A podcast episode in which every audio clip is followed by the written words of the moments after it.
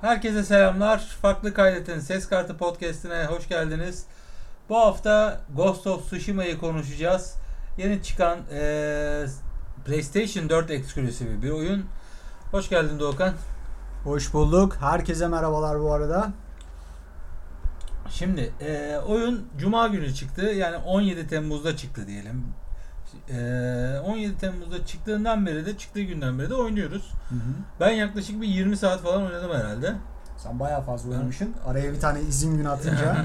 ben eşek gibi oynadım oyunu. Ee, şöyle söyleyeyim en baştan. Şimdi birincisi tema benim artık nasıl denir bunu? Sevdiğim az kalır, aşık olduğum aves durur. Tam arasında bir yerde. Hı hı. Çok hoşlandığım, çok sevdiğim bir tema. Ee, Feodal Japonya'da geçiyor. 1200'lü yıllar. Ee, Moğol istilasını konu alıyor ama şöyle Japonya istilasını konu almıyor aslında temelde. Japonya'ya girişteki o Tsushima adasını e, konu alıyor. Tsushima adası şöyle beyler. Japonya'nın önündeki bir kalkan gibi düşünün. E, Tsushima e, önce Tsushima'yı elde etmeleri lazım ki arkadan Japon İmparatorluğu'na girebilsinler. E, aslında konu olarak hani en azından coğrafya olarak vesaire çok hoş bir yer seçilmiş. Yani hoş bir konu seçilmiş hani Japonya değil de öncelikle küçük bir adayı konu alması tam olarak da görünüm de şiş- kalkana benzer aslında. Hı hı. Çok hoş olmuş. Bir başla bakalım Doğukan. Devam ederiz. Şimdi şurada buna dair şunu söyleyeyim. Ee, çok enteresan. Ana karayı dediğin gibi ele geçirmiyorlar henüz daha. Daha doğrusu oraya da bir çıkarma yapılacak daha sonra ama bu Shogun'un ilk oyununda ana kara istilası oynayacaksanız beyler Shogun'un ilk oyunu veya ikinci oyunu ikinci oyunda Mongol Invasion yok. Ee, ilk oyununda var ama onu oynasınlar. Stratejiye çok çok daha yatkın o noktası. Ama açık dünya oyunu olarak düşünüldüğünde aynı Anıl'ın dediği gibi Tsushima adasının ele alınması inanılmaz güzel olmuş. En azından hani olaya dair bir de bu arada oyun inanılmaz tarihsel bir oyun.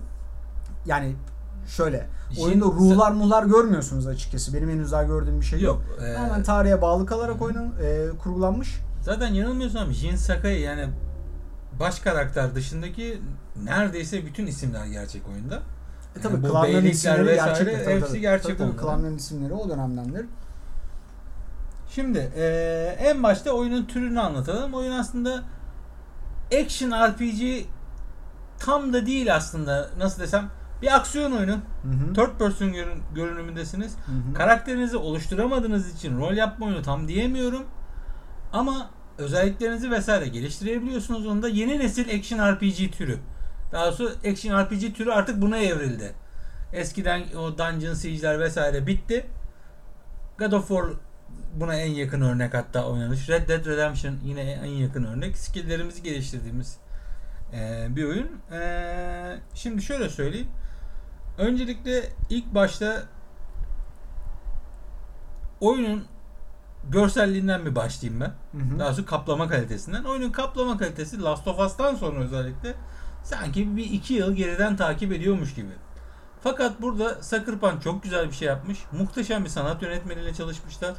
Oyunda kullanılan renkler, ışıklandırmalar olağanüstü. Zaten etrafta bol bol hani en azından bu konuyla ilgisi olan e, insanlar görüyordur. Bol bol fotoğraflar vesaire görmüşlerdir. E, bunun sebebi birincisi Japonya'nın hala çok güzel bir ülke olması. İşte enteresan kısmı o ya. Hı hı. Ada o kadar enteresan ki hani pa- renk paletine inanılmaz izin veriyor. Kaplıcalarından tut dağlarına, karlı dağlarına kadar işte e, sahillerinden tut ormanlarına, bambu ormanlarına kadar aslında burada yapımcıların elinde çok güzel bir malzeme vermiş Japonya.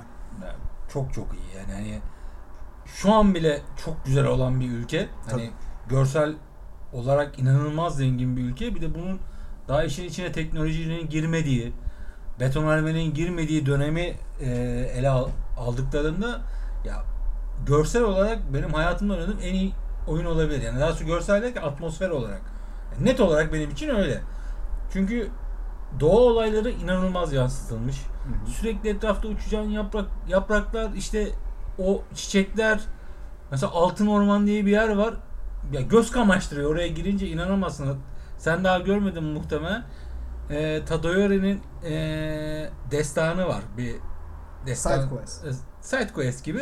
Bunlara geleceğiz sonra. Orada böyle mor menekşelerin olduğu bir yere gidiyorsun. Adamın mezarlığı mosmor menekşelerle kaplı bir yerdi.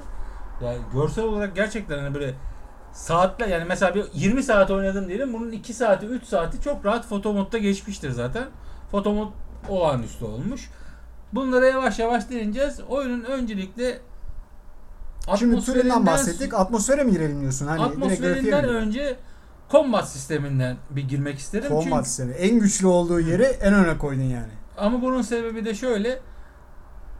Aslında baktığımız zaman bu türe çok fazla oyun var. Yeni Assassin's Creed serileri direkt akla gelen. Evet. Odyssey, Origins. Ee, God of War var. Yine akla daha minimal gelen. skalada, daha rafine skalada olsa. Belki kullandığımız silahlar farklı olsa da Red Dead Redemption'ın yine buraya dahil edebiliriz. Shooter'a kaydı ama evet doğru yakın Ama yine- silahları kullansaydı action RPG olacaktı. Yani sadece e, uzak mesafeli oynuyorsunuz. Hı hı. Ama ben e, şeyden bahsediyorum.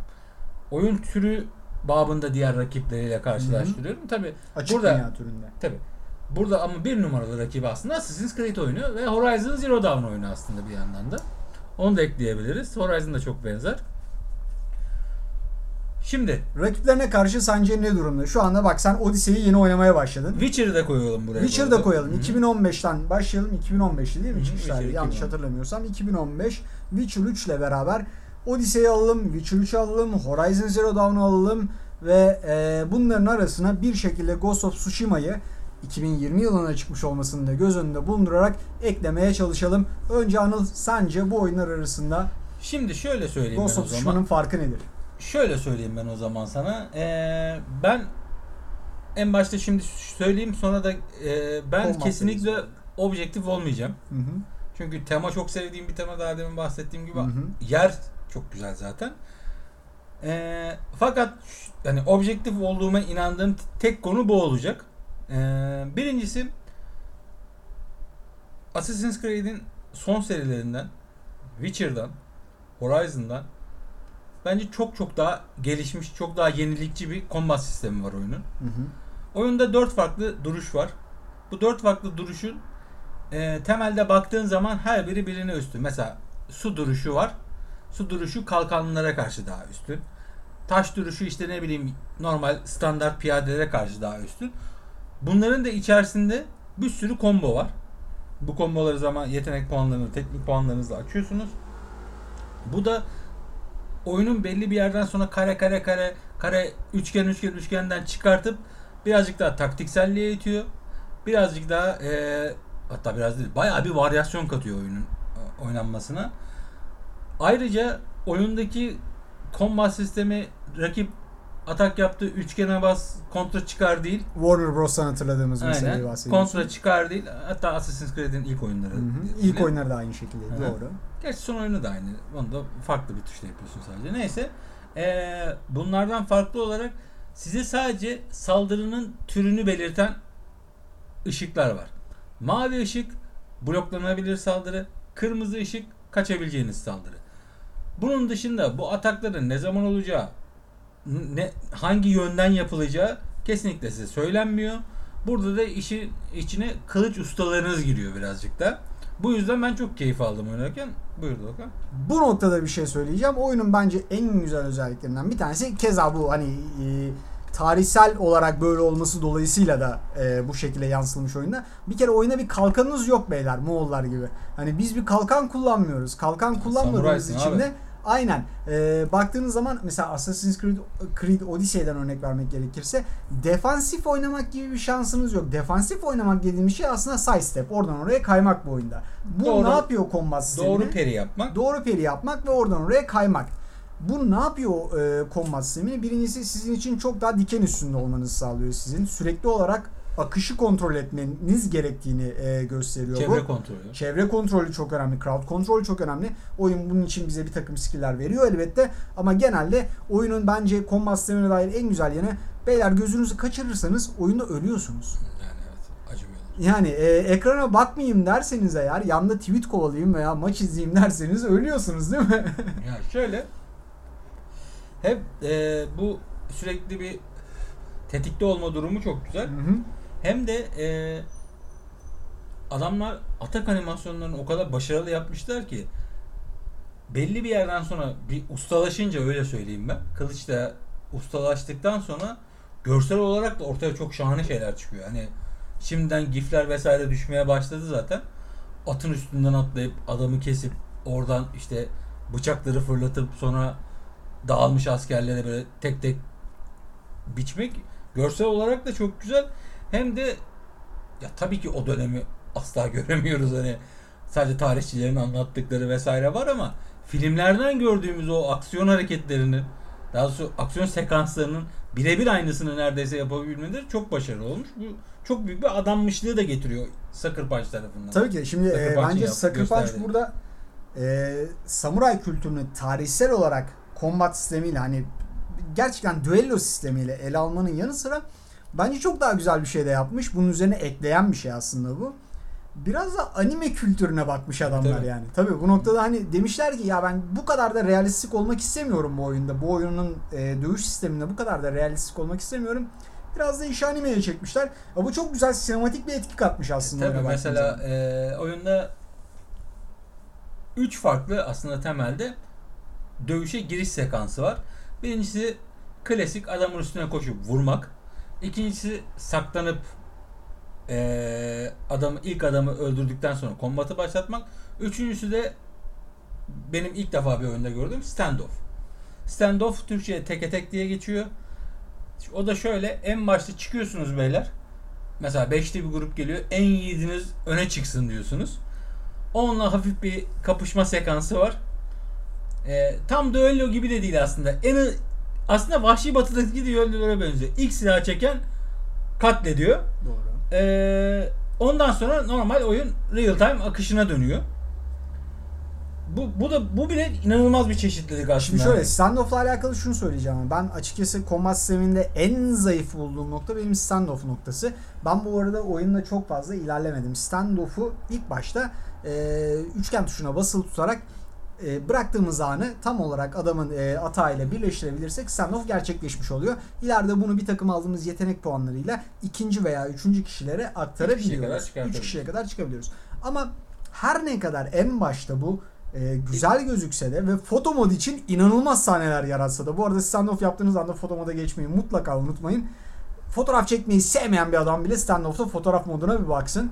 Burada çok güzel olsa bile bir noktadan sonra bu tamamen sizin aslında adam eksiltmek için kullandığınız bir mekaniğe dönüyor ve kendini tekrar etmeye başlıyor. Ama şöyle şu an oyunun başında olduğun için ileride gelecekleri bilmiyorsun. İleride çok zorlaşıyor.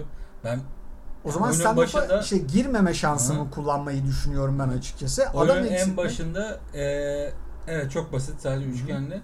Bir yerden sonra fake atmalar başlıyor. Onlara da okey. Bir yerden sonra karşına çok hızlı adamlar geliyor. Ben iki tane standoff kaçırdım Hı hı. bugün oynarken. Bu arada, Bu arada- standoff kaçırdığınız zaman da inanılmaz hasar bir- alıyorsunuz. Yani İnanılmaz tek bir vuruşta ölecek hale geliyorsunuz aslında.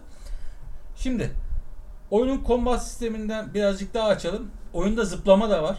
Bu zıplama size eee, saldırı ve savunma açısından çeşit getiriyor. Savunmada şöyle mızraklı abiler var. Mızrak işte bir eli uzun ucu balta. Onlara mızrak mı denir bilmiyorum. Polar diyorlar galiba. E, tabii tabii. Yani, İngilizcesi polar mı ama Türkçesini tam bilmiyorum. Naginata diyorlar Japonlar. Hı. Yani öyle bir şey. Şöyle ucu balta gibi bunları e, bunların saldırılarından biri size çelme takıp yere düşürmek. Bu yere düşmekten mesela zıplayarak kaçabiliyorsunuz. Hı hı. Saldırı anında da o anki duruşunuza bağlı olarak mesela su duruşundayken havaya zıplayıp bıçakla saldırıyorken pardon evet su duruşunda taş duruşunda zıplayıp üçgene bastığınız zaman adama tekme atıyorsunuz. Hı hı.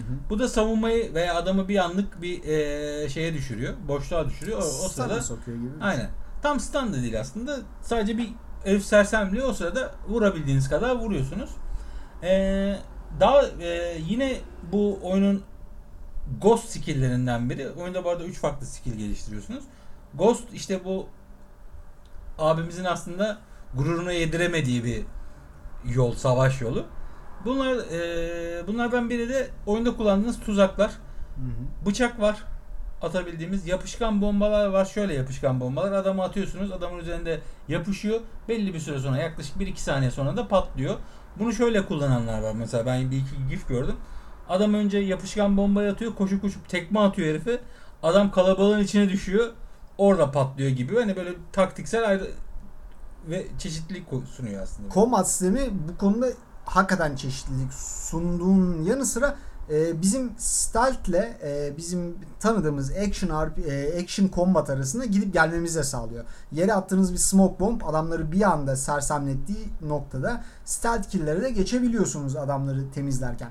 Yalnız şöyle bir şey var. Yine combat'a dair şunu söyleyeyim.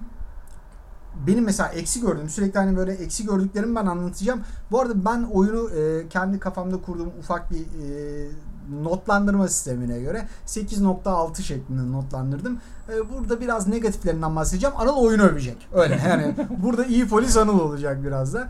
Oyunun bence zayıf yanlarından bir tanesi body count çok fazla. Karşınıza çıkan düşman sayısı çok fazla. Ve evet sekans kaçırmazsanız kombatlarda giflere e, malzeme olacak kadar estetik şekillerde adamları biçebiliyorsunuz. Ben bunu birkaç kere yaşadım. Ama bunun dışında birden fazla adamla dövüştüğünüzde oyunda bir kere autolock diye bir şey yok. Adamlara Hedefe kilitlenmek kitlenemiyorsunuz. E, bu bizim aslında sol analog tuşuyla yönlendirerek karakterimizi yaptığımız ataklardan oluşuyor. Tamam bu noktaya kadar gayet güzel ama karşınızda 4-5 kişi varsa atak animasyonu sırasında da saldıran düşmanlar ki bu noktada bekleselerdi yine eleştirirdim onu da söyleyeyim. Hani ben birini öldürürken o animasyon içerisindeyken diğer düşman bekleseydi yine eleştirirdim oyunu. Ee, ama o biraz zorluk yaratıyor oyunun e, aslında kombatında. Yani biraz karmaşa yaratıyor açıkçası. Ama Zorluk şöyle bir şey var. Orada da işte alan kontrolü devreye giriyor. Orada da Sırtını güzel bir yere yapabi- dayayabilirsin veya kullan tuzaklarını kullanabilirsin. Veya eee, şöyle söyleyeyim doğru yere kaçabilirsin. Yani nasıl desem oyunda iki tip kaçma var. Birincisi blok yapıp adamı boşa itmek. İkincisi de sen vücut olarak yani vücudunla kaçmak. Hani bunları doğru kullanırsan ya çok fazla ben sıkışmadım. En en fazla 7-8 kişiyle bir anda savaştım, savaştım. Ama mesela böyle bir sıkışma e- ekranın görmediğim bir yerden bana saldırılmasını kendi adıma yaşamadım.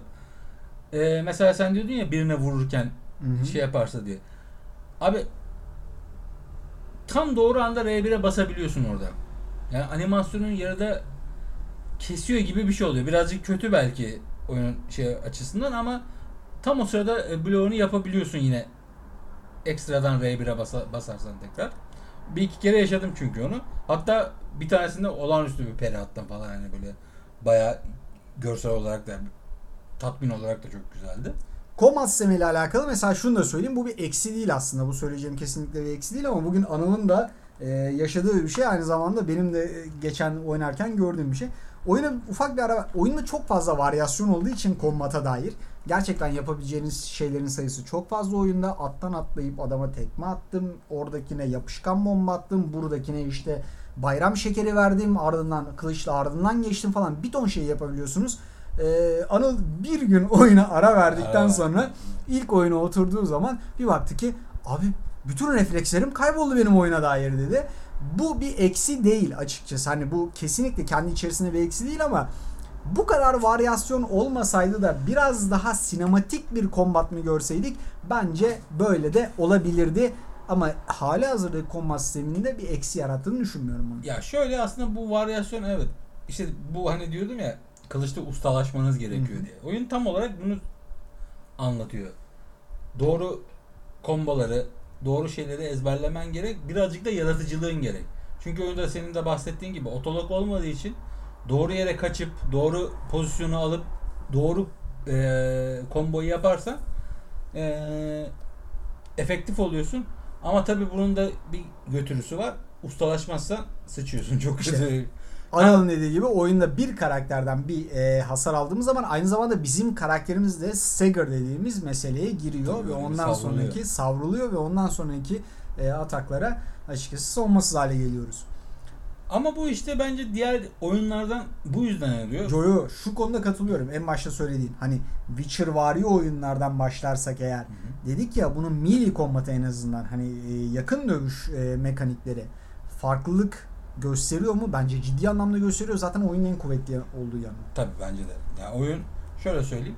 Hani belki abartıyor falan da diyebilirsin ama bence God of War'la kafa kafaya koyabilirim ben. Aksiyon Şunu konusu- söyleyeyim. Ben de şunu combat söyleyeyim. konusunda. God of War'un combat sisteminin bu oyuna göre biraz daha basit olduğunu düşünüyorum. Tabii. Ama göze daha hoş gözüktüğünü düşünüyorum. Biri Santa Monica. Ama a- ama bu oyundaki combat sisteminin de eğer dediğin gibi sekans kaçırmazsan, varyasyonlarını kaçırmazsan en sonunda yarattığı tatmin hissiyatının çok çok daha fazla olduğunu düşünüyorum. Ya o- Gerçekten son adamı kesip onun böyle kanlar içerisinde yere yıkıldığını gördüğün anda abi ben doğru bir tuş sekansı yarattım ve bu işledi. O da aslında ne biliyor musun? Birazcık da eee, şöyle söyleyeyim sana. Oyunun seçtiği tema ve oyunda temanın getirdiği o eee, kullandığın kılıç ya bir kere birincisi God of War'dan çok çok daha estetik. Şimdi God of, God of War'da Kratos denen abi tamamen brutal bir abi. balta kullan. Hani balta kullanıyor. Kendisi de balta bir abi bu arada. Yumruğuyla adamı paramparça ediyor falan. Böyle bir abi çok iyi bir böyle vuruş hissiyatı insana verir tamam? Vuruş tatmini verir ama göze estetik gelen abi her zaman katana. Yani kim kimse evine şöyle söyleyeyim. Kimse evine dekorasyon olarak balta koymaz belki ama herkes de dese katanayı gören de- dekorasyon olarak kullanır. Kılıç kendiliğinden estetik. Hani çok büyük bir şöyle söyleyeyim. Hiç bilmiyorum sen veya dinleyenler hiçbir katana gerçek bir katanın yapılışını izlediniz mi? Beraber izledik evet. Ya şimdi şöyle. Yani şunu söyleyeceğim. Hani onun arkasından gelen sanatı vesaire bilince çok daha estetik duruyor. Tabii Benim için de, en azından. Tabii ki de eyvallah öyle hani buna bir şey demiyorum ama hani burada meselenin çok sinematize edildiğini de görmek lazım. Normalde tabii ki de Katana savaşlarında büyük ihtimalle insanlar bu kadar şlak, şluk falan filan kill bill vari hareketler yapmıyorlardı. Ama sorun şu. Hani burada bu biraz subjektif çünkü bir baltayı adamın kafasına "Vaa!" diye yardığın zaman da mesela senin en güldüğün sahnelerden bir tanesi sonra adamı ortadan ikiye bölmekte bir Ben tatmin ama- yaratıyor. Ben ne dedim ama tatmin olarak God verdiği hani böyle bir insan öldürme tatmini Hı. böyle çok insanın böyle en ilkel duygularına hitap ediyor tamam mı böyle? Hatta şöyle söyleyeyim hani ben cinsiyetçi olacak belki ama bir erkeğin böyle erkek gibi hissediyorsun anladın mı? Hani böyle Önce burada bağırmak çok komik. Ama samurayın hani samurayın yolu diyeyim ben sana. Hı hı. Birazcık sanatsal bir e, şeye de sahip olduğu Tabii için ki de tabii. katana ile beraber bayağı bir şiir yazıyorsun aslında orada. O yüzden hani görsel olarak ben çok daha keyifli diyorum. O yüzden de God of War'un yanına koyarım diyorum. Hangisi daha iyi bunu tartışırız. Ama bence aksiyon olarak kendi türünde sadece tabii combat sistemiyle God of War'un çok rahat yanına koyarım ben böyle. Ben de şunu çok net bir Assassin's şekilde. God of War Witcher'ı falan filan saymam bile bunların yanında yani. tekrardan söylüyorum. Witcher'ın da bu arada combat sistemi tabii yaşına da verdiğim için ben şimdi Ya Witcher'a zaman- burada bu iyi polisi ben Witcher'ın olayım ama şöyle bir şey var. Zamana da verdiğim için biraz sırıtıyor muydu? Evet, Zamanında da sırıtıyordu abi. Witcher her zaman animasyonda. Abi yok yani şöyle adam zaten Witcher abi yani bu mutant anladın mı? Gerçekçi bir şey Evet. anlatma derdi olmayan bir adam olduğu için. Animasyonları kötüydü. Yani adamı ortadan ikiye bölüyordu. Normal mi böyle bir şey yapabilir Hayır misiniz? lan, Yapamazsınız. şeyden bahsediyorum ben. Sunuşu da kötüydü Witcher'ın. Hani ben saldırı biçimlerinden gayet iyiydi. O dönemde bana Witcher kadar sağlam action RPG kombatı veren bir tane oyun söylesene. Ben bilmiyorum yani. kaba duruyordu abi. Yani şöyle söyleyeyim. Animasyonlar estetik değildi veya öyle söyleyeyim. Animasyonlar da ben de Witcher'da kılıç dövüşünde iyiydi. Yine estetik olarak kabul etmiyorum. Ghost of Tsushima'nın çok daha iyi olduğunu kabul ediyorum. Ya tabii aralarında 5 yıl var canım. Ama Yani şöyle bir şey var. Ee, hani Witcher'ın katakuta olduğu noktada aslında Ghost of Tsushima'nın da çok katır kutur olduğunu görüyorsun. Nedir bu? İşte atlamalar, zıplamalar falan filan. Ghost of Tsushima'da çok fazla ben yamaçtan düştüğüm için belki bunu söylüyorum ama çok düştüm abi ya. Yeter abi. Bu intihar intihara meyilli bir şekilde oynuyorum oyunu yani anladın mı hiç? Ben uçan tekme atacağım diye adamın kaçması sonucu bayağı bir çok güzel. Ama şöyle evet net olarak şunu söyleyebilirim. God of War'la karşılaştırırsak God of War daha basit. Bunda biraz daha ustalaşmanız gerekiyor. Tsushima'da sonunda yarattığı tatminkarlık da tamamen buradan geliyor. Ustalaştığınız zaman ve doğru sekansı Tabii, kurduğunuz tabii. zaman Zaten oyunun ilk bir buçuk saati ben inanmıyorum ki herkes bir oturuşta böyle mükemmel oynamaya başlasın. İmkanı yok. Ben ilk bir saatte öldüğüm sayıyı şu an ulaşmadım bile hala yani. O kadar ölüyorsunuz en başta. Yo, gayet rafine. Gayet Çok, rafine. çok güzel olmuş. Hatta rafine. şöyle söyleyeyim. Oyunun bundan yaklaşık bir 3 ay önce falan ilk bir gameplay trailerını göstermişlerdi. Onda oyunun en eleştirilen tarafı abi oyunun combat sistemiydi. Twitter'daki yorumlar, ekşi sözlükteki yorumlar ya bu muydu yani hani bunu mu bekledik? Herkes çünkü Batman vari bir şey bekliyordu. Hı hı. Ama oyun çıktığı zaman esas en güçlü olduğu konu bu oldu. Evet atmosferi vesaire şimdi geleceğiz. Hani herkes böyle çok güzel resimler falan paylaşıyor. Çok ön plana çıkıyor ama oyunun esas eee, şeyi alameti ferikası oyunun combat sistemini de yatıyor. Zaten oynayınca da anlayacaksınız bunu. Şimdi combat sisteminden çıkalım. Çıkalım. Ee, oyunun görselliğine birazcık girelim. Peki. Hani en başta birazcık bahsettik ama şimdi de ee, biraz ayrıntılı konuşalım. Birincisi oyun kaplamaları en başta dediğim gibi bir iki yıl geriden geliyor. Yaşlı. Yaşlı. Yaşlı yani hani ya onu da şöyle söyleyeyim. Sucker Punch aslında çok da büyük bir ee, stüdyo değil. Sony'nin himayesinde olan Infamous gibi çok güzel oyunlar çıkarmış yani döneminin şöyle söyleyeyim PlayStation 4'ün çıkış oyunlarından biri Infamous Second sandı. Tamam çok ufak bir anekdotla gireceğim burada. Senin Infamous Second sana dair düşüncen mesela nedir? Ben sonradan oynadığım için e, bunu kendim yorumlamayacağım. Ama sana mesela Sucker Punch'ın bir önceki oyunu Infamous'lar hakkındaki düşüncen neydi? Şöyle söyleyeyim.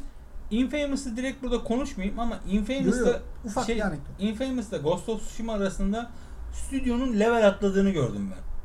Anladım. Yani Infamous 75 hani ben puan bareminden konuşmuyorum. 75-80 arasında gezinen bir oyunken Ghost of Tsushima ile 85-90 aralığına çıkmış bence. Bu birinci Sucker Punch için çok güzel bir şey. Hı hı. Yani Sony bundan sonra muhtemelen bütçesini arttıracaktır bu oyundan sonra diye tahmin ediyorum. Bütçesini arttırması da ne demek? Bu adamların belki bir ileride bir oyun yaparlarsa ki eee, hadi size benden bir sır olsun. Muhtemelen Ghost of Tsushima'nın devamı gelecekmiş. Eee, Ghost of Tsushima'nın yenisi geldiğinde çok çok daha eee, oturmuş bir oyunla karşılaşacağımızı gösterir. Yani Sucker Ee, Punch burada öğreniyor. Anladığım kadarıyla bu. Adamlar Şöyle Sucker Punch. Infamous'ın üstüne koyarak geldiğini gösteriyor aslında. Hani ben biz bak Infamous'ı yaptık bundan önce. Açık dünya oyunlarına aşinayız. Şimdi çok sevdiğimiz bir temayı bütün öğrendiklerimizi üstüne yeni tecrübelerimiz, yeni te- edindiğimiz tecrübeleri katarak yapacağımız bir oyun olacak diye get- getirmiş. Burada PlayStation'a yani daha doğrusu Sony markasına bir teşekkür daha etmek lazım. PlayStation 5'in kapanış oyununu yaptılar Ghost of Tsushima'yı. Hani Last of Us varken PlayStation 4'ün. PlayStation 4'ün pardon. Evet. Last of Us varken bunu tercih etmeleri de çok aslında güzel bir şey. Çünkü PlayStation 5 çıkıyor artık bunu herkes biliyor. PlayStation 4'ü hala sattırabilecek bir oyun Last of Us'tı title olarak. Ki satıldı da zaten Last of Us çıkmadan önce biz de biliyoruz. Hani onu belki bir ay geç çıkartıp Ghost of Tsushima'yı önden salabilirlerdi. Bunu yapmadılar. Demek ki stüdyolarına güvendiler. Çıkacak oyuna güvendiler. Ya açıkçası ben bunun böyle olduğunu düşünmüyorum. İki oyunu farklı şekilde ele almamız gerektiğini düşünüyorum. Çünkü çok çok farklı türler, türlerdeler. Ben ama şu an iki oyunu kıyaslamıyorum. ha, yok. Ben oyun takviminden bahsediyorum. Tabii oyun yani bu yerleştirilmesi. eğer takvim satış rakamını etki edecekse Evet. bence Sucker Punch'ın da Last of Us'tan sat, daha çok satma gibi bir e, gayesi olduğunu düşünmüyorum açıkçası. Böyle bir gayelerinin olduğunu Yok, düşünmüyorum. ben burada şeyden bahsediyorum. Oyun bazında satmak değil. Last of Us'ı şöyle söyleyeyim sana. Last of Us'ı en son oyun yapsalardı yani bu ayda bile hala Sony PlayStation satıyor olurdu diye ben kendi en azından 10 yıllık tecrübemden söylüyorum. Mutlaka ki. Ama Evet. Ghost of Tsushima'ya bu şansı vermesi Sony'nin yani kendi adıma çok hoş bir davranışı öyle söyleyeyim. Yani hani PlayStation 4'ü Ghost of Tsushima ile kapatmak var. Last of Us'la kapatmak var bir de yani. İkisi arasındaki title'lar arasındaki şey de uçurum da çok fazla. Ya şöyle söyleyeyim sana. Hani bu beğenilmeyen işte insanların yerden yere vurduğu oyun Metacritic'te şu an 150 bin kadar oy almış. Yani God of War, Red Dead falan toplayınca 150 bin oy etmiyor. Yani o şey tepkiden bahsediyorum. Yani insanların verdiği reaksiyondan bahsediyorum ben. Last of Us ne kadar ilgi çekmiş, Ghost of Tsushima ne kadar ilgi çekebilir. Hani ondan bahsediyorum. Bu makine satışından, sakız satışındayım ben yani. Ulan biz nasıl girdik buraya? Atmosfere girdik. Bilmiyorum sen e, bayağı pan- ya bu işin makine satışıyla bir hani benim hiçbir alakam Neyse. yok açıkçası. Atmosferden devam edelim. Birincisi eee, oyunda orman görüyoruz. Sahil görüyoruz. Hiç sahile gittim mi bilmiyorum. Sahil de çok güzel olmuş. Sahil görüyoruz. Dağ, dağlara çıkıyoruz. Kar, yağmur, gün batışı, gün Ee, doğuşu vesaire bunları görüyoruz ve abi yani benim için bunların her biri bir sanat eseri olmuş. Oyunun her bölgesine adamlar inanılmaz özenmişler. Mesela dağlara çıkarken etraftaki o akarsular, akarsuların üzerine inşa edilmiş o mini köprüler falan hani klasik böyle Japon şeyleri vardır ya mini fenerler falan böyle dağlarda böyle alakasız yerlerde. Onlar adamlar hakikaten bütün ayrıntıları düşünmüşler yap- yaparken. Haritada böyle giderken birbirine benzeyen çok az yer gördüm ben. Hani Doğru. hiç dikkatini çekti mi bilmiyorum Zaten ama. haritanın geneline baktığın zaman da ufak Tabii çok- regionlara böldüklerini, Hı. isimlendirdiklerini görüyorsun ve hiçbir isim gerçekten birbirine benzemiyor coğrafi olarak baktığın Hem zaman. isim atmosfer hem olarak. de etraf yani hani ulan ben buraya daha önce gelmiştim dediğim bir yer olmadı. Öyle bir hissiyat yok. O çok güzel olmuş bence. Güzel. Ee, yine atmosfere samuray yaşantısına da içine katıyorum bunu. Hı hı. Şimdi oyunda bütün bu aksiyonu vesaire çıkardığımız zaman oyunda flüt çalabiliyor abimiz. Haiku yazabiliyor. Haiku şöyle bir şey dünyanın en kısa şiiri derler. Genelde 2 veya 3 mısradan oluşuyor. Şöyle Sevmek. Sevmek mi diye şeklinde. Ee, gerçekten o dönemlerden beri hak- e, kalan bir sanat türü diyeyim ben hı. sana. Ee, ve Haiku'yu okuduğun zaman abi böyle aslında normal şiirle pek bir alakası yok. Üç satır var. Hani nasıl biliyoruz şiiri? İşte kafiye olacak, uyak olacak, şu olacak, bu olacaksa. Gerçi kafiye ile uyak aynıydı galiba. Hani bunlar olacak. Haiku da böyle değil. Haiku tamamen yazan kişinin o an hissettiği üç cümleyi alt alta koyuyorlar. Hani e, böyle normal şiir gibi beklemeyin yani orada okuduğunuz şeyleri. Bu arada şiir yazmak hiç denedin mi? Ya, denemedim. Öyle bir skill açmadım henüz daha hayatımda ama Ha yapma. Ya- Yok, şey oyundan bahsediyorum ben. denedim. Haiku yazdın mı? Denedim. Evet. Ağacın Onu tekiyle gölün tekini birleştirdim. Ardından bir tepeye verdim bunu ve güzel bir şey çıktı mı ortaya ve çıktı. Kafiyeli olmadı ama güzel bir Kafiyeli, anlam bütünü anlam- yarattı mı? Evet. Yarattı. Adamlar buna dikkat etmişler. Hı hı. Ee, şöyle bu şiiri de yazarken şöyle söyleyeyim size. 3-4 seçenek veriyor her sekansta. Hı hı. Bu seçeneklerden hani artık hangisi hoşunuza giderse onu seçiyorsunuz. Daha sonra farklı bir sahne geliyor. O farklı bir sahnede yine 3-4 farklı seçeneğiniz oluyor. Onu seçiyorsunuz. Son olarak da şiiri bağlayan, şiiri bitiren esas cümlesine geliyor. Orada da yine seçenekleriniz var. İstediğinizi seçiyorsunuz. Daha sonra hoş bir sinematik giriyor ve abimiz sizin seçtiklerinizi okuyor size. Bunun karşılığında da bir e, kozmetik bir eşya alıyorsunuz. Ve görselle ödüllendiriliyor, Hı hı. ödüllendiriliyorsunuz. Hani atmosferden bahsediyorduk ya o yüzden söylüyorum bunu. Bir görselle de ödüllendiriliyorsun aslında orada seçtiğin görsellerle. E, hatta şöyle söyleyeyim. Yazdığın şey de kalıcı oluyor. Çünkü item'a geldiğin zaman e, hı. item'a geldiğin zaman yazdığın şiiri oradan görebiliyorsun. Bunun dışında oyunda gezebileceğiniz temple'lar var. Dur atmosferden çıkma. Yok atmosferi anlatıyorum. Evet. E, bu temple'ların en önemli özelliği şöyle genelde dağların vesaire tepesinde oluyor. Moğollar bütün Japon kültürünü yok etmek istedikleri için Temple'a giden bütün yolları kırıyorlar vesaire. Siz işte sağdan sola atlayarak falan buluyorsunuz. Temple'ın mü- mükafatı da tılsım oluyor genelde. Fakat şöyle bir mükafat daha var. Temple'a giderken abi bir manzaralar var. Yani böyle aklınız çıkacak yani oynarken. Ve ben hani şu an böyle 4K bir TV'de falan oynamıyorum bu oyunu. Bu oyunu. Hı hı. Full HD'de oynuyorum. Aksiyon oyunu olduğu için de çözünürlük yerine eee, kare hızına ağırlık veriyorum Pro'nun özelliği sayesinde. Yani aslında ben oyunu bir slim cihazda oynar gibi oynuyorum. Sadece daha yüksek FPS alıyorum. Hı hı. Ama buna rağmen ya görsellik acayip tatmin edici. İnsanı şok edecek kadar tatmin edici yani. Bu noktada daha fazla FPS almanın e, artılarından bir tanesi şu olabilir. Etrafta bu biraz da animasyona girmiş olacağım. Atmosferle animasyonunu birleştireceğim. Etrafta flora fauna sürekli hareket ediyor. Hani siz bir noktadan bir noktaya giderken etrafınızda ağaçların rüzgarın yönüne göre dalgalandığını, yaprakların o şekilde Ya. dağıldığını, Her bir çimene Adamlar hareket tabii, vermişler yani. Çimenlerin yine ya şimdi mesela şey geliyor. Bu, bunu daha sonra konuşacağım. Bir dakika bu konuda biraz doluyum o yüzden. Ama şöyle bir şey hakikaten e, atınıza bindiğinizde ve bir noktadan A noktasından B noktaya gitmeye başladığınızda scenery'nin hani gördüğünüz manzaranın sürekli olarak değiştiğini görüyorsunuz. Kamerayı sağa çevirdiğinizde farklı bir noktaya kalıyorsunuz, sola çevirdiğinizde farklı bir noktaya kalıyorsunuz. Ne bütün bunların hepsinden de çok güzel film çekebilirsin yani. Hani. Vallahi şöyle bir şey. Eğer bir Bence video modu olsaydı, eğer bir Çıkacak. video modu olsaydı, video modu dediğimiz şey bizim game capture şu anda. Bir video modu yok aslında Ya bu oyunların. share tuşu sayesinde bence bir iki şey çıkacak oradan. Ama hani bu- bu şekilde bir anlatım sunmak isteseydiniz Ghost of Tsushima'nın atmosferi buna çok fazla el veriyor.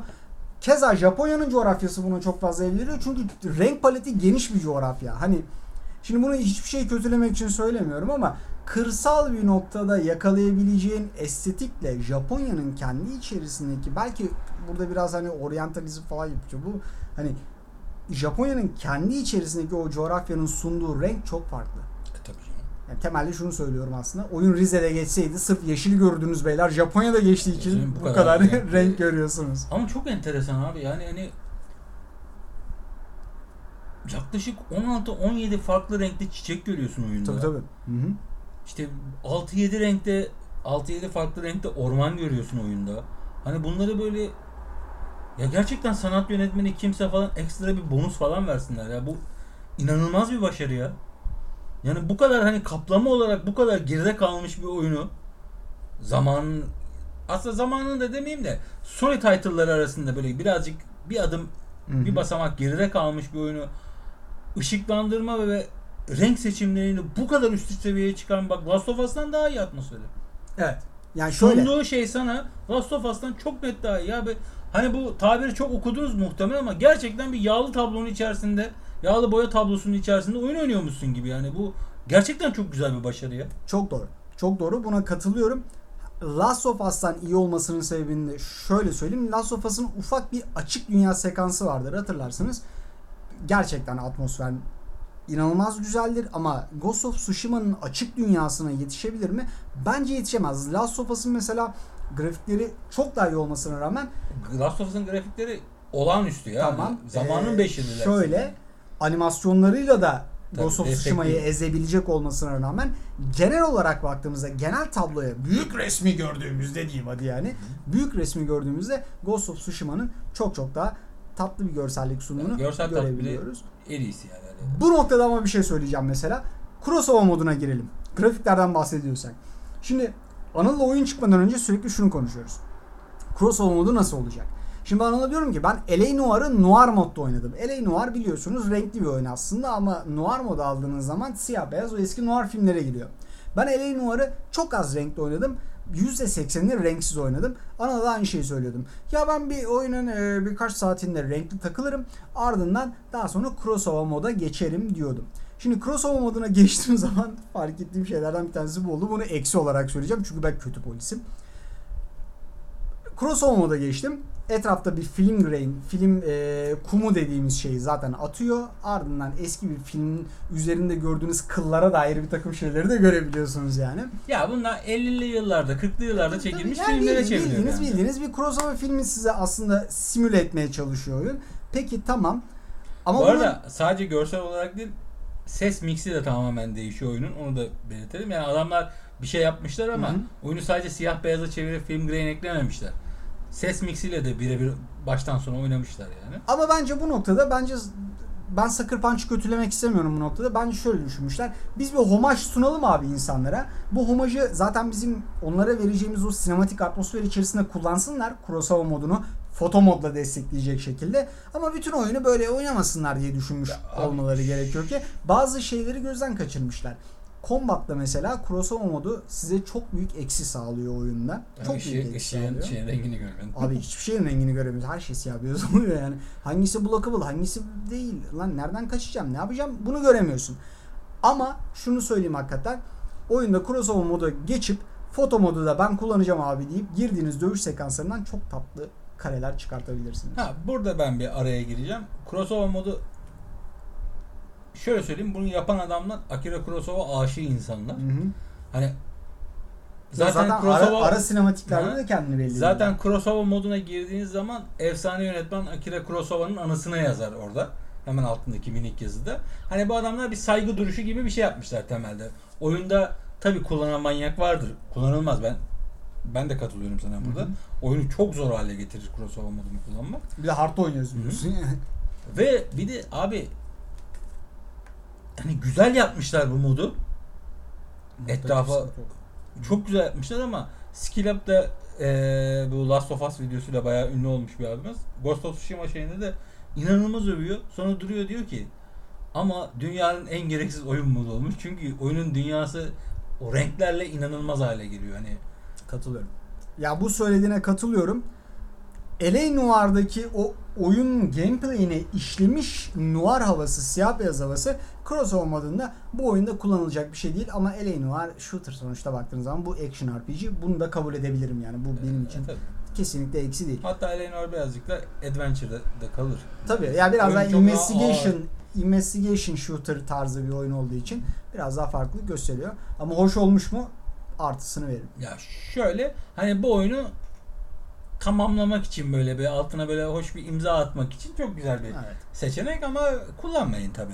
Bir bakın, bir görün ne- neler değişiyor zaten anlayacaksınız anında. Ee, ondan sonra tekrar normal moda geçip oyunun o sunduğu olağanüstü görselliğe tadını çıkarın yani Hani hiç orada kalmayın. Şimdi atmosferden Seslere geçelim mi? seslere geçelim oradan da. Şöyle o zaman ben ufak bir gireyim seslere. Ee, şöyle söyleyeyim. Oyunun ses efektleri çok çok iyi. Özellikle ilk gök gürültüsünü duyduğumda bir dua şoku bir elimden attım. Ne oluyor lan diye. Hani kulaklıkla da oynamıyorum ben bu arada. İki tane hoparlörle oynuyorum. Yani şimdi hoparlör deyince de Snoopy hoparlör değil tabii. Hani onunla belki o efekti almazsınız ama hani güzel iki hoparlörle oynuyorum ama hani yine de etraftaki işte dışarıdan araba geçişlerini falan duyuyorum. Hani öyle bir ortamda oynuyorum oyunu. Ee, ona rağmen ilk şimşeği duyduğumda gerçekten attım elimden. Olağanüstü bir ses. Şahane bir fırtına sesi yapmışlar. Bu birincisi. Burada bir överim. İkincisi oyundaki kılıç savurma sesleri, kılıçlı kılıcın birbirine vurma sesleri yani o metal sesleri çok çok iyi olmuş. Üçüncüsü her ne kadar lip sync problem olsa da oyunun Japonca seslendirmesi harika ötesi. Yani sesler karakterlere cuk oturmuş ama lanet olsun ki lip sync'i İngilizceye göre ayarlamışlar. Ya buna bu çok büyük bir eksi bence. Bilmiyorum belki Ya çok büyük bir yapmışlar diye düşünmeye çalışıyorum ama ben buna katılıyorum. Büyük bir eksi olduğuna katılıyorum. Yani şöyle eksi ya tabii ki de ulan Japonca konuşuyor adam ne kadar anlayabilirsin ama azından. Adamın En ağzı azından. durduğun zaman cümlesi devam etmiş oluyor bazı yerlerde. Haklısın. Ha, alt yazıyı takip edince çok fazla görüyor, göz yormuyor ama hani böyle Japonca bilen biri için öyle söyleyeyim en azından. Japonya'da oturup Japonca oynamak isteyen biri için bence çok büyük sıkıntı.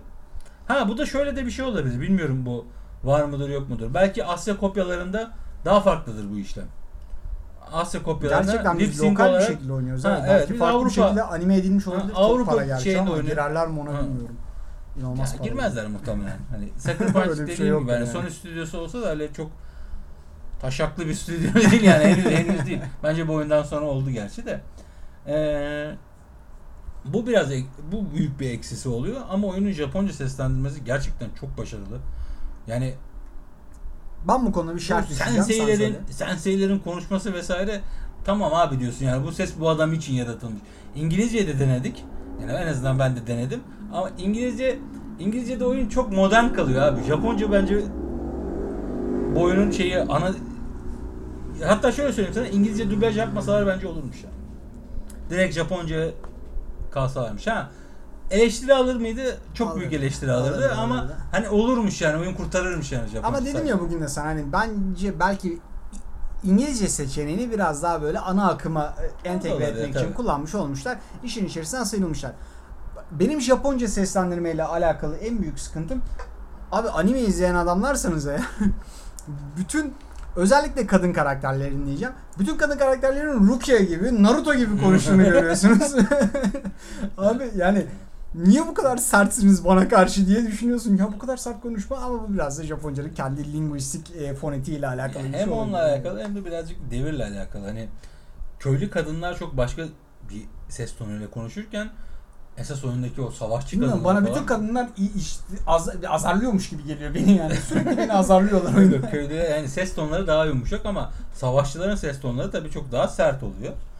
Ee, seslerde hani lip sync dışında benim herhangi bir diyeceğim bir şey yok. Müzikler çok keyifli. Kesinlikle. Özellikle oyunun ilk Soundtrack mükemmel çıkacak Aha. bu arada. Hı. oyunun ilk sekansı bence şahaneydi. Görüntüyle birleşti. Görüntüyle birleştiğinde şöyle oyunun ilk sahnesinde bu spoiler olmaz yani bunu anlatsak bir şey olmaz. Oyunun ilk sahnesinde Moğollar Tsushima sahiline çıkıyor. İşte oradan sen bir adamını gönderiyorsun klasik samuray savaşçısı. Ya bu tarihte de böyleymiş Doğukan anlatır orayı. Ee, bir samuray savaşçısını gönderiyorlar. Adam gönderirken de diyor ki git bunların cesaretini kır. Ya adamlar bugüne kadar bütün savaştıkları yani bütün savaşları bireysellik üzerine olduğu için hani ordu savaşında özellikle Moğollar gibi gerçekten yayılımcı aşırı yayılımcı bir politika izleyen imparatorluğa karşı bu yemiyor maalesef. Abimizi çok kötü bir şekilde öldürüyorlar orada. Daha sonra abi bir tepenin üstünden Tsushima sahiline bir at sürüşüm var. Etraftan oklar fırlıyor. Arkada çok güzel bir müzik. Ya bence ilk o oyunda ben yani ilk orada durdurup senin yanına gelmiştim. Ulan bu ne- neler oluyor diye bu oyunda diye. Hatırlıyorum yani. O mesela ses kullanımı konusunda da birinci sınıftı. Hani atmosfere de girer burası da. Ses kullanımı konusunda da etrafta atılan oklar işte abi şöyle söyleyeyim size Moğollar artık Çin'i mi işgal ediyorlar? Nereden işgal ediyorlarsa barutu buluyorlar. Barutu buldukları için patlamalar, Tabii, çatlamalar Çin'de oluyor. de. Samuraylar gariplerim sadece en teknolojik aletleri katana. yani e, hani Şey biliyorsun mu bu arada? Aslında Moğolların ilk iş- e, ilk Japonya işgali sırasında Japonların kullandığı kılıç bizim modern katana dediğimiz şey değil. Farklı bir şey. Adamlar ondan sonra katanayı geliştiriyorlar. Hani ilk başta kullandıkları yine benzer ama tam olarak bizim modern katana diye adlandırabileceğimiz bir kılıç değil. Şeyi de anlatayım sana hani o, o sana tarihsel, söylediğim gerçek mesele. tarihsel muhabbeti anlatsana. Ya şimdi Hachiman diye bir adam bunu Wikipedia'dan okudum daha sonra kaynakça okumasına geçmeye çalıştığım zaman çok az bilgi buldum e, hakkında ama Hachiman ya bunun yazıldığı kitabın adı ya da e, kaleme alan kişinin adı bilmiyorum. Hachiman şöyle bir şey söylüyor. Diyor ki ya bu Japonlar e, şey Moğollar geldiler. Biz bunların karşısına çıktık. Okey. Japon bu arada adası Moğollardan önce işgale uğramamış hani dışarıdan tehdit almamış bir ada değil ama adamlar inanılmaz muhafazakarlar. O dönem yani hatta oyunun içerisinde de geçer. Moğol saldırısı ilk oluyor yanılmıyorsam. Ondan önce ama korsanlar falan filan geliyor. Tabi tabi. Yani bu sürekli Hı hı. ya ada bilinen bir ada zaten. Atlantis gibi bir şey değil yani. Ama Japonlar kültürel olarak çok muhafazakar oldukları için hani çok fazla şey yapmıyorlar. Ne bir bilgi alışverişi var aralarında ne bir şey var. Şimdi Moğollar geliyorlar. Hachiman'ın e, paragrafı şöyle bir şey söylüyor. Ya biz bunların karşısına çıktık. Evet. Ya şimdi bizim yolumuz var. Yani biz Samurai Way dediğimiz bir mesele var. Biz ne yapıyoruz abi? Göz Savaş göze alanında göz bile- göze savaşıyorsun. Savaş alanına bile rakibimizi ismiyle önce ismimizi sunuyoruz. O ismimizi veriyor falan filan. Daha sonra birbirimize giriyoruz. Bireysel bir savaş aslında. Ama Moğollar öyle değiller beyler. Moğollar dört tane böyle pigme adamın hani bir Japon'un üzerine zıplayıp çatır çatır bıçakladığını düşünün yani. Japonlar en başta bu şaşkınlıkla çok kaybediyorlar. Tinerci zaten. 101 aslında. ya işte bunu söylemek istemedim ama temelde evet öyle. Yani temelde bu şekilde yakaladığını bıçaklıyor abi adamlar. Bir de pezevenkler şöyle bir şey yapıyorlar. Şimdi Japonlar bir noktada bunu anlayıp bunları geri püskürtüyorlar ama adamların elinde Çin'den aldıkları bombalar var. Kaçan Moğol arkaya bir tane bomba sallıyor. Bomba arkada patlayınca Japon'un nevri dönüyor abi. Ya hayatımda ilk defa gördüğü çatlamalar patlamalar. Bu el bombası gibi bir şey diye düşünmeyin. Sadece ses çıkarıp kıvılcım çıkarsa bile Japon nani yani direkt naniye bağlıyor. Ekran bir anda 8'e bölünüyor böyle. Bütün Japon askerleri aynı anda şaşırıyorlar bu meseleye. Ya hani bu kadar böyle şimdi Japonya kültür olarak şimdilerde barışçıl ama bu kadar savaşmaya meyilli bir Kendi e, işlerinde çok savaşıyorlar tabii. abi yani.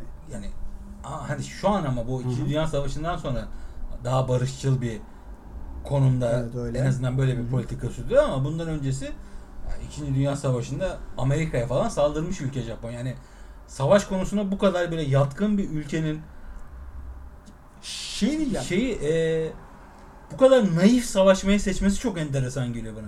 Hakikaten naif savaşıyor abi, Abi, adam. realite yaratmışlar kendilerine. Hı. İşte ne diyorlar? Yani biz birebir savaşacağız. Şerefli savaşacağız. Ya şeref dediğin şey hani aslına baktığın zaman e, logaritma gibi bir şey. Günlük hayatta işine yaramıyor yani baktığında. Ama o adamların o realitesinde Ya kod işte kod.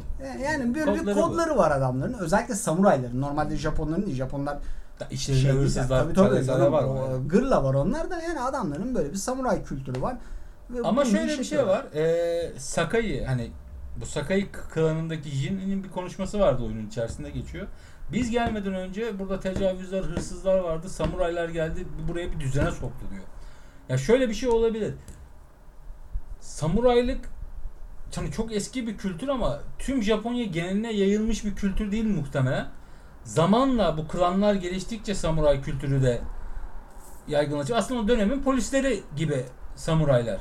Kesinlikle öyle. Çünkü Yani- köylülerin seni görünce verdiği tepkiler falan oyundaki de çok acayip. Hani Abi sizden hiç kalmadı zannediyorduk falan deyip baya böyle bir devlet bakanı gelmiş gibi karşılıyorlar bütün Abi seni. kılıç taşıyorsun ve pahalı bir alet taşıyorsun yani. Öyle samuray olmak da herkesin hani ben samuray olacağım işte samuray meslek yüksek okuluna gideyim diye olacağı bir şey değil. Bir işte soylunun soylu aileden gelmen lazım. gel- İkincisi de hayvan gibi lazım. bir idman yiyorsun yani. Tabii ki de tabii ki de.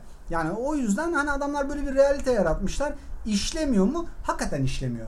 Ama şöyle bir şey ada ülkesi olmaları ve hakikaten kılıç konusunda çok da usta olmaları dolayısıyla Ya birazcık da genetik kodlarıyla alakalı galiba. Adamlarda böyle bir çok enteresan bir saygı kültürü olduğu için tabii canım. hani Ya personal bunlar da- space denilen olay Aynen bunlar da böyle soylu kademesinde oldukları için bunlara böyle bir samuraya samuraylar zaten kendi içer, içlerinde hani Hı hı. savaşları bile isimlerini birbirine verip teke tek savaş hani o tip bir saygıdan bahsediyorum ben hani böyle bizim artık böyle büyüklerine yer verme saygısı falan filandan değil yani hani çok üst kademe bir yerde oldukları için adamlar bir şekilde saygı görüyorlar bir şekilde de kalıcı oluyorlar bu sayede. Bir Yani noktaya kadar şöyle- evet. şöyle bir noktaya kalıcı kadar oluyorlar. kalıcı oluyorlar. Daha sonra Kültürleri devam ediyor. E, tabii. Bugün hala ya gerçekten samuray gibi yaşayan adamlar falan var hani Tabii ki de elinde kılıçla gezmekten Tabii, bahsetmiyorum. tabii. Ha, bak, Yaşam felsefesi sana. olarak E, felsefesi bu. sana. Şu an hala devam ediyor yani. Ya beyler mesele şu. Şöyle bir sıkıntı var aslında. İkinci Dünya Savaşı'nda adamlar teslim olmuyorlar.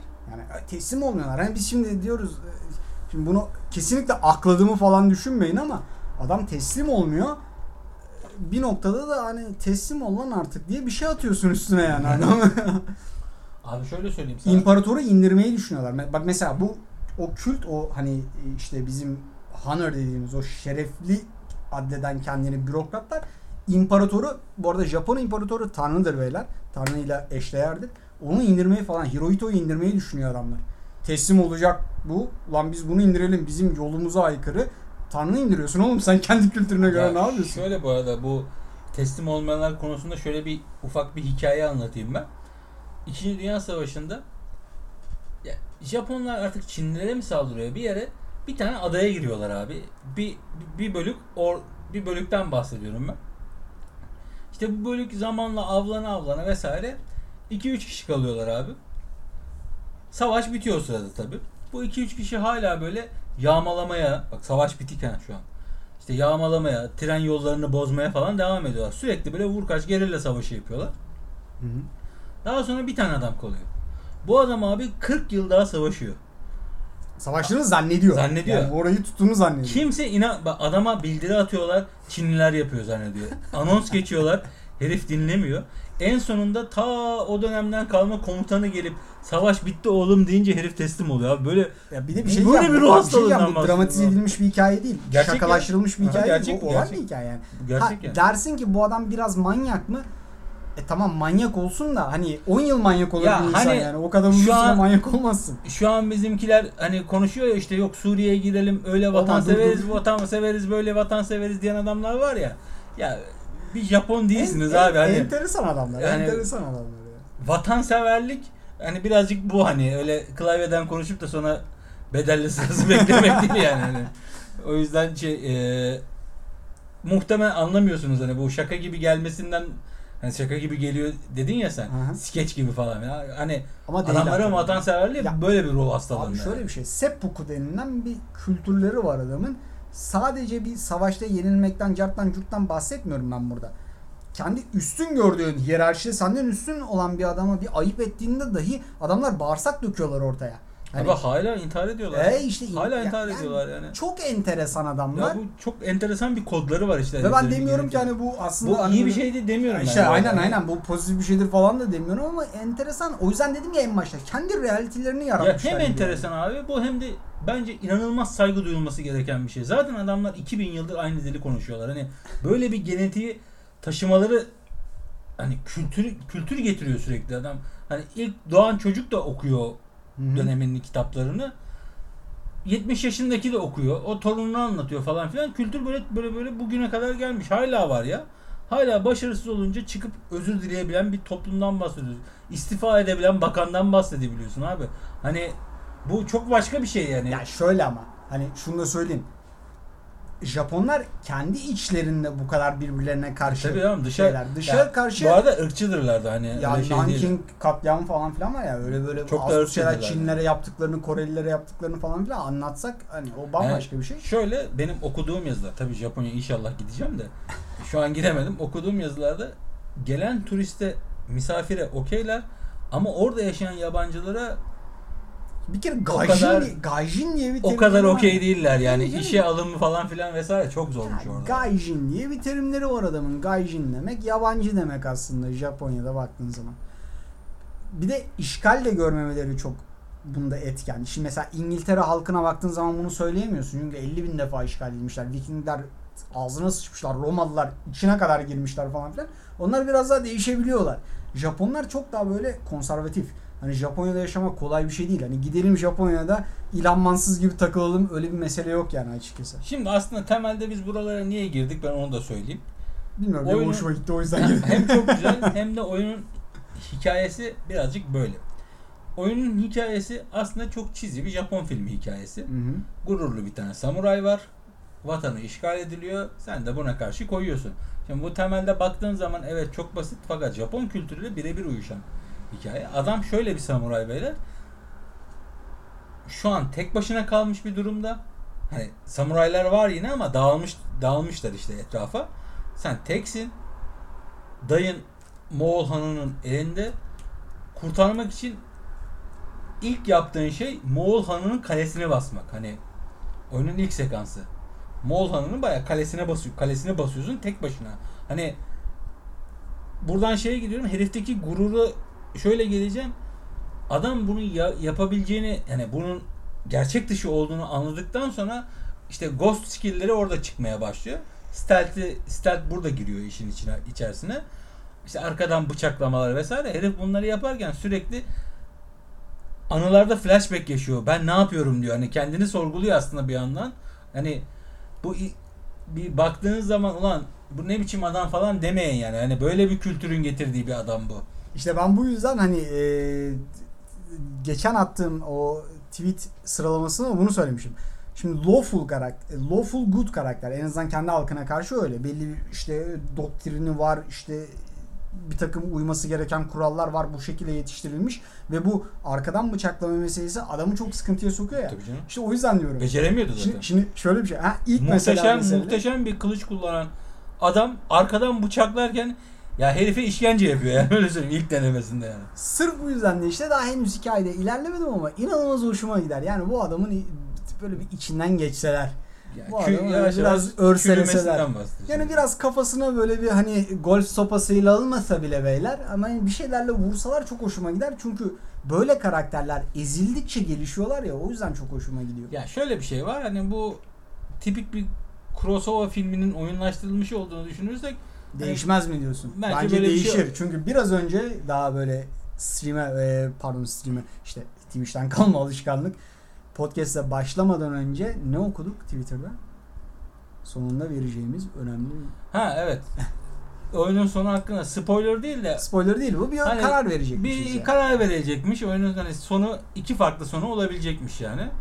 Ben daha sonuna gelmedim. Ben hayvan gibi oynadım ama daha ana görevi çok ilerletmedim.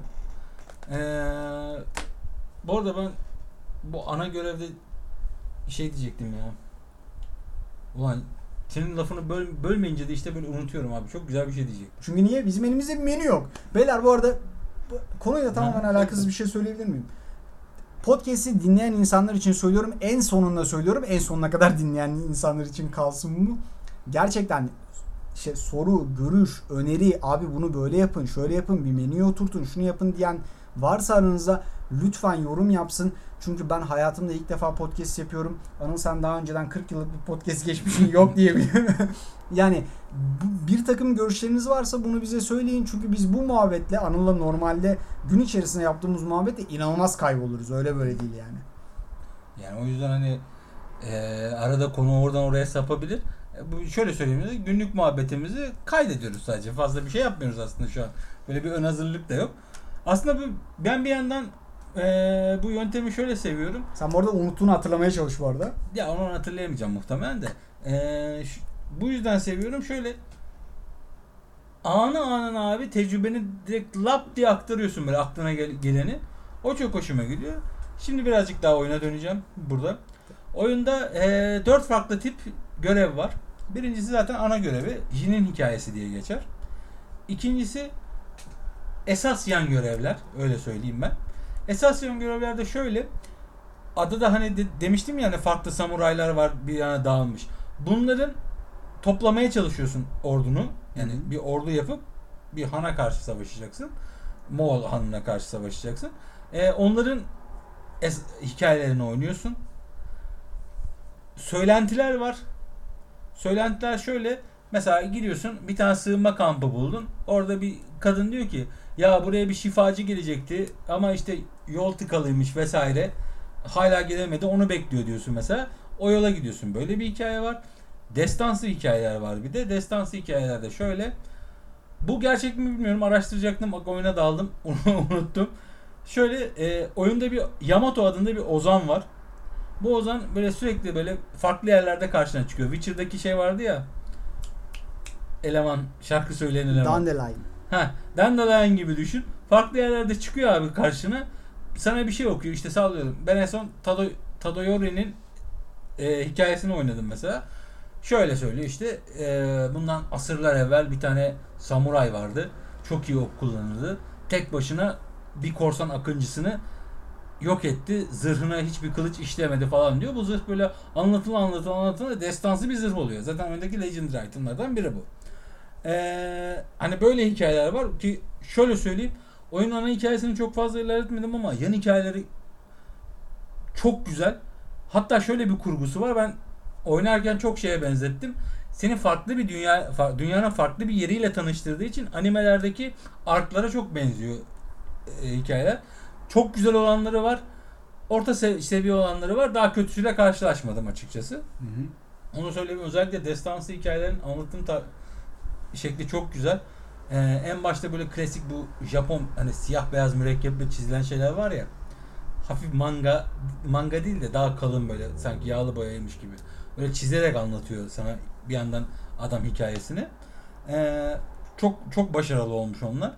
Ee, daha sonra Şimdi ben sunuma Ha. dair bir şey söylemek istiyorum. Tabii, tabii. Şimdi bu side quest'lerde karşılaştığım çok e, gözüme batan ama bu hani normalde bir insanın gözüne batmayabilir ama benim battı transition meselesi. Yani e, bir ara sahneden oyunun karakterinin kontrolünü aldığımız noktaya geçişlerinde bir ivedilik gördüm ben. Bir hızlılık gördüm. Ve bu hızlılık gameplay'e bir noktada etki etti. Diğer noktalarda etki etmedi. Ama şöyle oldu. Ya mesela ben son Moğol'u kestim.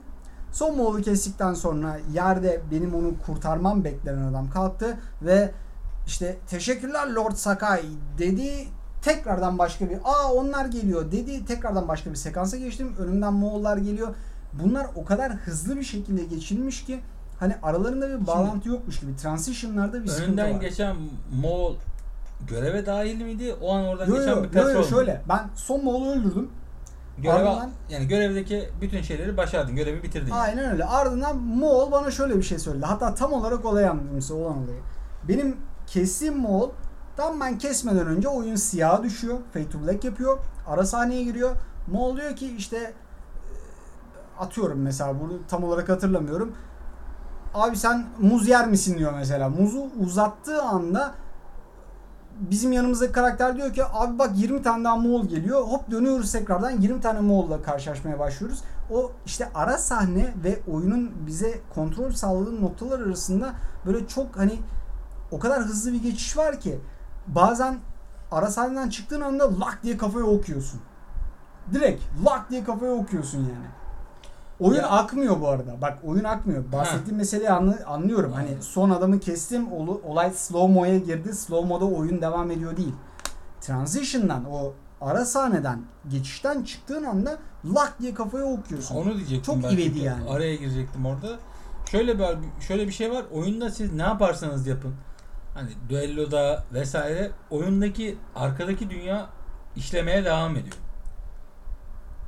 Mesela bu face off'lar diyoruz ya. Face Hı hı. off e, daha sonra stand off veya teke tek yaparken oyun ufak bir sinematik giriyor.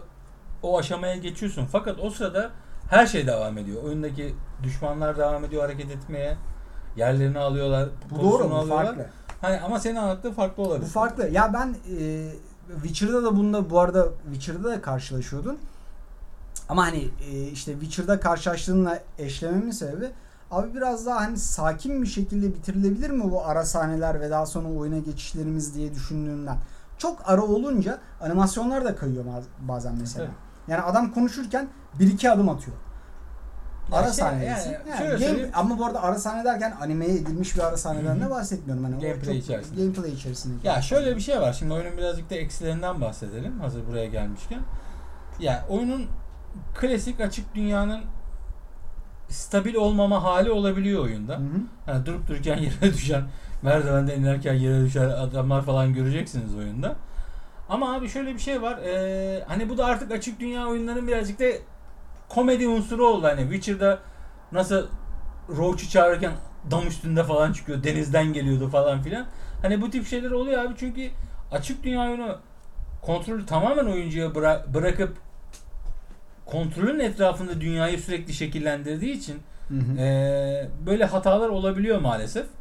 Ee, bu bu oyunda da var. Karşılaşacaksınız işte. Boşluğa düşen adam mı dersin? Durup dururken kendini yakan köylüler mi dersin? Ya Evet, onlar ateşin yanındaki ama hani komik gözüküyor bunlar anladın mı? Ama şöyle bir şey var. Bunların hiçbiri game break değil. Hayır game break yok. Ben karşı O- o ben çok açık dünya oyunlarında bu arada çok şanslı bir adamım. Witcher 3'te de böyleydim. Hani ne damın Evet. üstüne roach gördüm ne bir şey evet, yaptım. hani Witcher'da da böyleydi. Hı. Witcher'da da game break olmuyordu. Sadece komik bir sekans oluyordu yani o an. Ama benim bahsettiğim işte transition'dan çıkma Yok, senin bahsettiğin olunca, başka evet, bir o şey. biraz Hani- üzücü oldu Ama benim o da için. game break değil. Yani mesela görevini bozmamışız. Seni çok zor bir durum. Bozmuyor çünkü autosave olayı çok güzel oyunlar. Evet. Yani sizi çok fazla geriye atmıyor beyler oyunu. Hiçbir za- zaman öldüğünüz zaman hani pişman olacağınız bir noktada geri dönmüyorsun. En azından ben Oyunun oynadığım güzel, noktaya evet. kadar şimdiye kadar öyle bir şey yaşamadım. Encounter encounter ilerliyor. Hani karşılaşma karşılaşma şeklinde ilerlediği için save'ler çok fazla bölümün başına attığını görmedim. Yine eksilerden kaplamaları sayabilirim ben eksileri. Yani bu texture kısmı hakikaten birazcık eski. Animasyonlar çok eski. Animasyonlar biraz eski işte merdiven çıkışları vesaire. Tabii tabii o free play'de Aynen. bahsettiğim mesela. Ee, ama bu bahsettiğim eskilik şöyle değil. Hani mesela 2014 yapımı bir oyundan kalma bir animasyondan bahsetmiyorum. Sadece Last of Us'ı, God of War'u vesaire seyrettikten sonra bu da bir Sony oyunu. Hani en azından hani bazı şeylere birazcık daha dikkat edilebilirmiş ama dediğim gibi yine bu açık dünya oyunlarının ya yapacak hani hakikaten bazen bir şey yok Öyle. yani. Red Dead Redemption 2'de bile var. 50 tane izlersiniz. Gidin. yani umarım bir gün hani hiç böyle sıfır kusurlu bir açık dünya oyunu oynayacağız hani elbette. Bunlar Bunlar ya bunlar işte dediğim gibi game break olmadığı sürece açık dünya oyunlarında bunları tolere ediyorsun. Çünkü atmosfer çok güzel. Gameplay hani oynadığın oyun çok güzel. Hani mesela benim Witcher'da bak game break dedik. Witcher'da vardı bir tane hatalı bir bölüm vardı Witcher'da. Yan görevde Allah'tan da bir bodruma girmeye çalışıyorsun. Bodrumun kilidi açılmıyor. Daha sonra bir pet çıkarıp düzeltmişlerdi bunu. Şimdi Ben, bu büyük e, sıkıntı. işte baktığınız zaman. hani şu ana kadar böyle bir şey görmedim. Şu ana kadar böyle bir şey görmedim. Okumadım da. Reddit'i bayağı gezdim ben bugün. Hani böyle ne hatalar var vesaire. Çok komik bir bug varmış. Belki sizin de karşınıza gelir.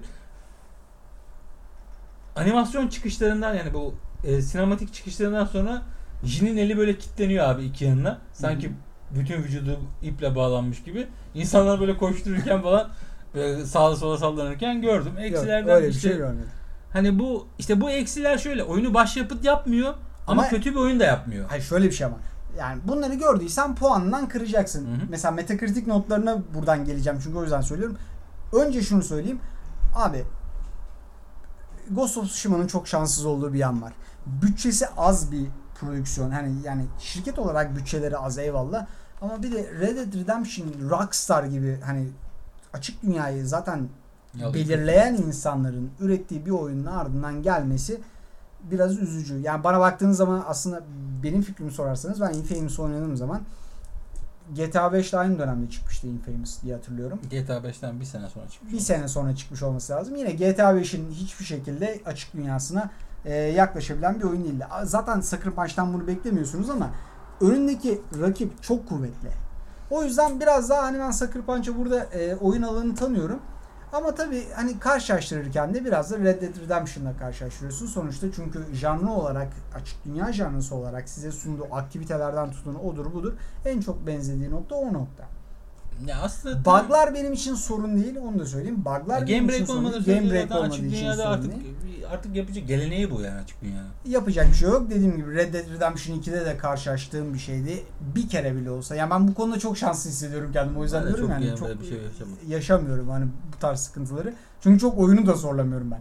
Hani abi çıkılmaması gereken bir yere Ya çıkmaya şöyle- çalışmıyorum yani. Hani bu işin hakikaten böyle ruh hastaları var böyle. Oyunda exploit arayan, Tabii tabii tabii tabii. tabii, var. tabii. Bunlar Hani onların Onlar zaten işte. bulduğu videolar oluyor bu çok güldüğümüz videolar da.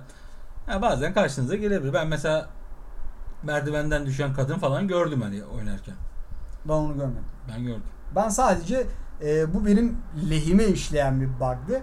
Bir tane de pardon aleyhime işleyen bug var ama onu anlatacağım. Şimdi lehime işleyen bug e, her bir kampın bir lideri var ya. Hı hı. Liderin taşa takılmasıydı. Çok güzel. Çünkü ben oyunun daha kombat sistemine hakim olmadan taşa takılan bir lideri öldürdüğüm zaman kendimi çok mutlu hissettim. Burada bir araya gireceğim. Buna benzer bir bug ben yaşamıştım. 2000 yılında Oni diye bir oyun çıktı. Onu 2000, hatırlıyorum, onu 2000 hatırlıyorum. veya 2001 Onu olması lazım. Ee, çok güzel bir third person oyundu bu. Shooter'dı. Bir yandan da işte yakın dövüş vardı oyunda. Çok gerçekten çok güzel bir oyundu. Abi oyunun sonuna kadar hiçbir sıkıntı yaşamadım. Oyunun son boss'u, son boss fight yapıyorum. Böyle bir çatı gibi bir yerdesin tamam mı? Çatıda bir tabela var. Tabelanın arasına girdi abi. Orada kaldı. Ben de öyle ateş edip öldürmüştüm. Yani hiç çok zorlanmadan bitirdiğim bir oyun. Hiç boss fight'ten hiçbir şey anlamadım. Şimdi Ghost of Tsushima'da negatifi nerede yaşadım? Ben şimdi oynarken hani podcast'e girmeden önce yaşadım mesela. Çift kılıçlı abiler var ya Ha. üzerine koşup saldırıyorlar böyle. O noktada karakter hızlanıyor. Depar atmaya başlıyor. Şimdi deparı ben tepenin üzerindeyim o tepenin aşağısında deparı bana atayım dedi. Ama oyun bir şekilde onu sağ tarafa yönlendirdi. Ve bir anda hani bulunduğumuz combat alanının dışına doğru depar atmaya başladı. Şimdi onu öldürmem lazım. Son ne oldu? Kaçmaya Ben başladı. de ne yaptım? Kaçma ya kaç bana depar atıyor normalde de yani dağlara doğru depar atıyor aslında baktığın zaman. Ağaçlara doğru depar atıyor. Peşinden koşmaya başladım daha sonra ben. Bu arada aklında olsun. Bu senin dediğin Hı hı. evet sana depar atarken bug olabilir ama oyunda düşmanı korkutabiliyorsun. Şöyle oyunda destansı Belki bunu hareketler yapsam var. bozardım mesela. yani. Destansı hareketler var. Destansı hareketleri yaptıktan sonra yüzde bilmem kaç oranında düşmanlar korkup kaçar yazıyor. Hı hı. Mesela bir tane saldırı var işte gök çalması diye çevrilmiş Türk, Türkçe'ye. Üçgenle kareye aynı anda basıyorsun. Bir tane azim puanını alıyor senin. Böyle şimşek çakar gibi bir sesle acayip hızla böyle bir kılıç çekip adamı öldürüyorsun tamam mı? Sonra etraftakiler böyle kalıyor bazıları kaçmaya başlıyor falan filan. Hani böyle şeyler de oluyor. Bunların hepsi bug değil ben onu söylemek için. Abi Şöyle bir şey. Şimdi adam depara başladı ya. Normal bir oyuncu nasıl düşünür? Tamam hadi bug'a girdik ama bir ok çıkarayım kafaya atayım diye. Ama depar o kadar hızlı bir depar ki. Ne okunu gösterebiliyorsun ne eğim alabiliyorsun çok enteresandı. Ha daha sonra döndü. O gittiği yerden geri döndü ama bir noktada bayağı böyle Belki dağlara bayırlara koştu yani. Uğrayacağı bir yer varmış abi o an yani. Onun dışında bence Ghost of Tsushima hani kapatmak gerekirse oyunla alakalı son görüşüm. Ee, şöyle söyleyeyim. Hemen alın oynayın diyeceğim bir oyun değil benim açıkçası. Hemen alın hemen beyler yarın gidin alın diyeceğim bir oyun değil. Ama şöyle PlayStation 4 sahibisiniz, PlayStation 5 sahibi olacaksınız. Büyük ihtimalle geç, e, önümüzdeki Gelecek sene. Önümüzdeki sene PlayStation 5 sahibi olacaksınız. Sadece oyun hayatınız FIFA'lardan, NBA'lerden veya da işte PUBG'lerden veya da çok bilinen title'lardan, Last of Us'lardan falan oluşmuyorsa bence Ghost of Tsushima Horizon da mesela benim için 4'te böyleydi. Alınıp mutlaka oynanması gereken bir oyun olmuş. Şöyle söyleyeyim ben de burada. e, hatta oyuna ben kendi puanımı vereyim. Ben de oyuna 8.5. Yani Benim puanım senden yüksek çıktı oğlum. 8.6 çıktı Ya benim. şöyle 8.5. Hani belki oyunun sonuna doğru mesela bundan bir hafta sonra puan verecek olsaydık hani belki o zaman yükseltebilirdim. Şu ana kadar 8.5. Şöyle o da oyun hakikaten eski duruyor. Hı hı. Atmosfer olarak çağının çok ilerisinde duruyor. Ee, ama ya mesela Last of Us oynadıktan sonra şey diyorsun işte ya bu tam o seviyede değil işte yani 9 ve üzeri bir seviyeye koyamıyorum ben oyunu. Hı hı. Ee, kendi janrası içerisinden bakarsak bence hani Witcher 3 gerçi bir efsane hani herkes şimdi bu abartıyor bence Witcher kadar iyi bir oyun. Ben 3'e koyarım mesela. Kendi- Ben bu konuda sana katılmıyorum. ee, 3'e koyarım ama nasıl koyarım? Red Dead, Witcher, Ghost of Tsushima şekline gider. Ya ben mesela. dedi sadece görünüş olarak en Ha? başta bir saydım da hani daha çok Assassin's mesela Assassin's Creed serisinin alayından iyi oyun. Hani bunu çok rahatlıkla söylüyorum. Aynen öyle. alayından iyi. Aynen öyle. Hatta yeni çıkacak yeni çıkacak yani. Valhalla'dan da iyi. Onun, da Onu görmem gameplayleri- lazım. O kadar şey yapmıyorum. da Gameplaylerine baktım görmem ben. lazım. Ondan da iyi. Ha o da keyifli olacak gibi duruyor bu arada. Eee yani 8.5 artabilecek şekilde 8.5 veriyorum. Bundan aşağı düşeceğini hiç zannetmiyorum. Ama şu var. Eğer Japon temasını seviyorsanız, Güzel söyledin. samurayları seviyorsanız, işte hafif böyle bir ulan katana kullanalım falan. Yani şöyle Sekiro var, Nioh var, katana kullanabildiğiniz oyunlar bunlar. Fakat bunlardan çok daha farklı bir konsepte bir oyun bu. Tamamen bu kültür üstüne inşa edilmiş bir oyun. Yani bu hafif Japonya merakınız varsa ben gidin yarın alın diyeceğim. Yani gidin yarın alın bir tadına bakın bu. Ya gerçekten hani sunduğu şeyler bakımından da eşsiz birazcık da. Yok çünkü böyle bir samuray temalı açık dünya oyunu. Bu kadar realistik bir samuray anlatımı yok. Yok. Ha şöyle var. Real time strateji hatta turn based strateji olarak Total War var ama böyle bir şey yok beyler. Hakikaten yok. Hani kılıcı Kendi elinizde türünde yok yani. Ha, Hani evet, Kendi doğru. türünde böyle bir deneyim Ama yok ben yani. şey diyemem abi. Yarın hani seviyorsanız dahi yarın gidin alın diyemem. Ama bir Ben- noktada ben, eğer türü sev yani temayı seviyorsanız mutlaka alın. Yani çünkü ama bu noktada bu iş tema ya bu bir iş birazcık tema iş. e, Yani, tabii ki de canım. e, antik Yunan'ı seviyorsan Assassin's Creed Odyssey'e bayılırsın. Çünkü etraf olağanüstü anlatılmış Ben orada. orada da yarın git al demezdim ama. Ya hayır ben şeyden bahsediyorum Şey- hani. Doğru, Ama doğru bu tema için bir alternatifin yok. Hani mesela antik Yunan'ı işte Greek yani Yunan mitolojisini seviyorsan God of War 3'ü de oynayabilirsin mesela. O da var. Hani bir seçeneğin daha var. Ama bunun yok. Bunun ol, muhtemelen bir uzun bir sürede olmayacak zaten. O yüzden gidin yarın alın derim. 8.5'umu da veririm. Podcast'i de bitiririm. Herkese zaman diliminde bulunduğum, içinde bulunduğumuz zaman diliminden dolayı iyi geceler diliyorum. Haftaya görüşmek üzere. İyi geceler beyler. Kendinize iyi bakın.